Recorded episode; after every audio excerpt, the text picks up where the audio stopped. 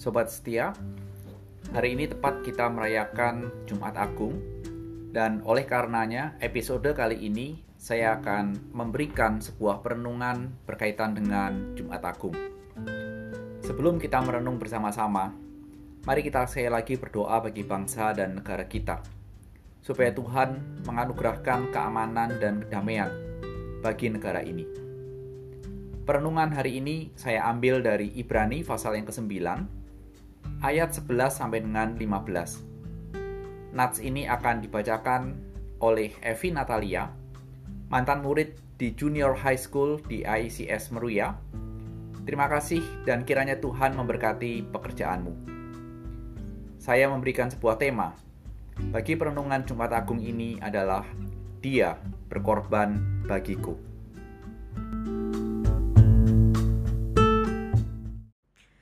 Ibrani 9 ayat 11 sampai 15. Kristus adalah perantara dari perjanjian yang baru. Tetapi Kristus telah datang sebagai imam besar untuk hal-hal yang baik yang akan datang. Ia telah melintasi kema yang lebih besar dan yang lebih sempurna, yang bukan dibuat oleh tangan manusia. Artinya, yang tidak termasuk ciptaan ini dan ia telah masuk satu kali untuk selama-lamanya ke dalam tempat yang kudus, bukan dengan membawa darah domba jantan dan darah anak lembu, tetapi dengan membawa darahnya sendiri. Dan dengan itu ia telah mendapat kelepasan yang kekal. Sebab jika darah domba jantan dan darah lembu jantan dan percikan abu lembu muda menguduskan mereka yang najis, sehingga mereka disucikan secara lahiriah. Betapa lebihnya darah Kristus yang oleh roh yang kekal telah mempersembahkan dirinya sendiri kepada Allah sebagai persembahan yang tak bercacat akan menyucikan hati nurani kita dari perbuatan-perbuatan yang sia-sia, supaya kita dapat beribadah kepada Allah yang hidup.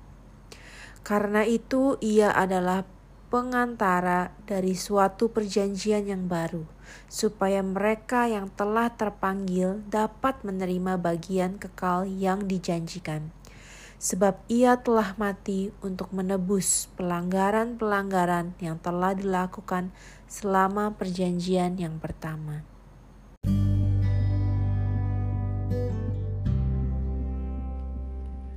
Sobat setia, mari kita berdoa. Tuhan Yesus, biarlah perenungan mengenai Jumat Agung sekali lagi menyadarkan iman kami akan jaminan keselamatan yang Engkau berikan melalui salib. Berkati kami dengan firman-Mu, demi Kristus. Amin. Sobat setia, pernahkah kita berada dalam suatu kondisi di mana kita berani berkorban untuk mendapatkan sesuatu yang kita inginkan? Misalnya, kita berani membayar lebih tinggi dari harga normal untuk sesuatu yang ingin kita dapatkan, apa pun itu. Konsep berkorban ini saya percaya dimiliki oleh semua orang. Konsep berkorban untuk mendapatkan sesuatu yang manusia inginkan sering kali kita lakukan. Demikian juga untuk mendapatkan masa depan. Ada banyak orang yang berani berkorban, meninggalkan orang tuanya yang ada di rumah untuk masa depannya, atau berkorban waktu, tenaga, demi menemui pujaan hati. Ini yang sering terjadi di antara mahasiswa-mahasiswa FON. Benar? Konsep ini juga muncul berkaitan dengan bagaimana usaha manusia untuk mendapatkan keselamatan bagi dirinya. Karena setiap manusia menyadari bahwa kehidupan tidak hanya ada dalam dunia yang fana ini, yang sekarang ini, tetapi nanti setelah kita hidup dalam dunia yang fana, maka ada kehidupan kekal. Masalahnya, dalam kehidupan kekal itu, kita akan hidup kekal bersama dengan Allah atau binasa dalam neraka selamanya. Ini yang menjadi sebuah permasalahan bagi seluruh umat manusia. Dan untuk menghindari kebinasaan, manusia menggunakan konsep berkorban demi mendapat kehidupan kekal bersama Allah. Misalnya, kalau kita mengetahui satu tradisi di Gunung Bromo, setiap tahun orang-orang itu memberikan persembahan dengan melemparkan persembahan atau sesajen ke tengah-tengah kawah Gunung Bromo. Harapannya apa? Supaya hidup mereka di dunia ini diberkati, dan mereka juga berharap hidup kekal, tidak binasa. Hal itu dilakukan setiap tahun, berulang-ulang oleh umat manusia, dan mungkin bukan hanya orang-orang yang tinggal di daerah Gunung Bromo, tapi di mana-mana.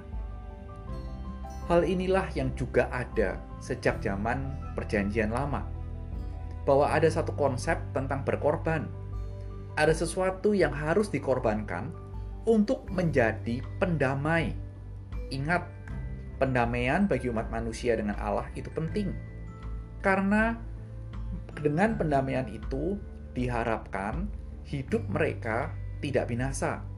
Hidup manusia berdosa boleh mendapatkan keselamatan. Inilah yang terjadi sejak zaman Perjanjian Lama. Namun, Alkitab memberikan pengajaran yang jelas bahwa konsep dalam Perjanjian Lama dan konsep yang dimiliki oleh orang-orang tentang berkorban untuk mendapatkan kehidupan kekal menjadi sebuah konsep yang Alkitab dengan jelas katakan bahwa tidak hanya tidak bisa mendapatkan pendamaian melalui pengorbanan seperti itu. Hal itu tidak akan membuka jalan pendamaian bagi manusia dan Allah.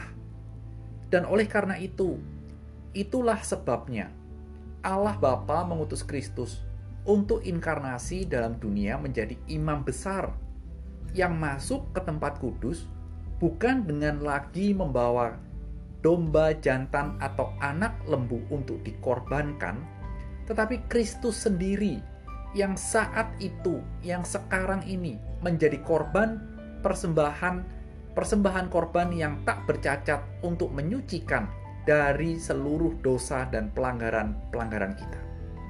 Itulah imam besar kita, Kristus. Mengapa dia melakukan itu? Untuk apa? Supaya kita bisa beribadah kepada Allah yang hidup. Ini menjadi satu poin yang penting dalam bacaan kita. Sampai di sini, mari kita lihat kekuatan pengajaran firman Tuhan ini. Bahwa bukan melalui ibadah kita dengan mengorbankan sesuatu kepada Allah, maka kita mendapat keselamatan. Bukan tetapi dimulai dengan penebusan Kristus. Sekali untuk selamanya, kita baru bisa beribadah kepada Allah yang hidup. Artinya, ada sebuah pendamaian, rekonsiliasi antara manusia berdosa dengan Allah. Itulah maknanya. Hari ini kita memperingati Hari Jumat Agung di mana imam besar itu mempersembahkan dirinya sendiri di atas kayu salib demi kita, mengorbankan dirinya untuk umat pilihannya, guna mempersatukan semua orang percaya dalam tubuhnya. Kita bisa bersatu dengan Allah karena ada yang berkorban dan mendamaikan kita, bukan karena usaha kita atau kita mengorbankan sesuatu demi pendamaian itu ini suatu pengajaran yang sangat penting dan esensial dalam iman Kristen. Sobat setia yang dikasih Tuhan, kalau dia berkorban bagiku sebagai pengikutnya, apakah respon kita terhadap pengorbanan pendamaiannya itu? Biarlah kita sebagai umat tebusan Allah, kita boleh menghargai pengorbanan itu dengan hidup meninggalkan dosa-dosa kita dan hidup sesuai dengan kehendak Allah. Selamat menjalankan kebenaran firman Tuhan dan Tuhan dan Tuhan memberkati kita semua. Amin.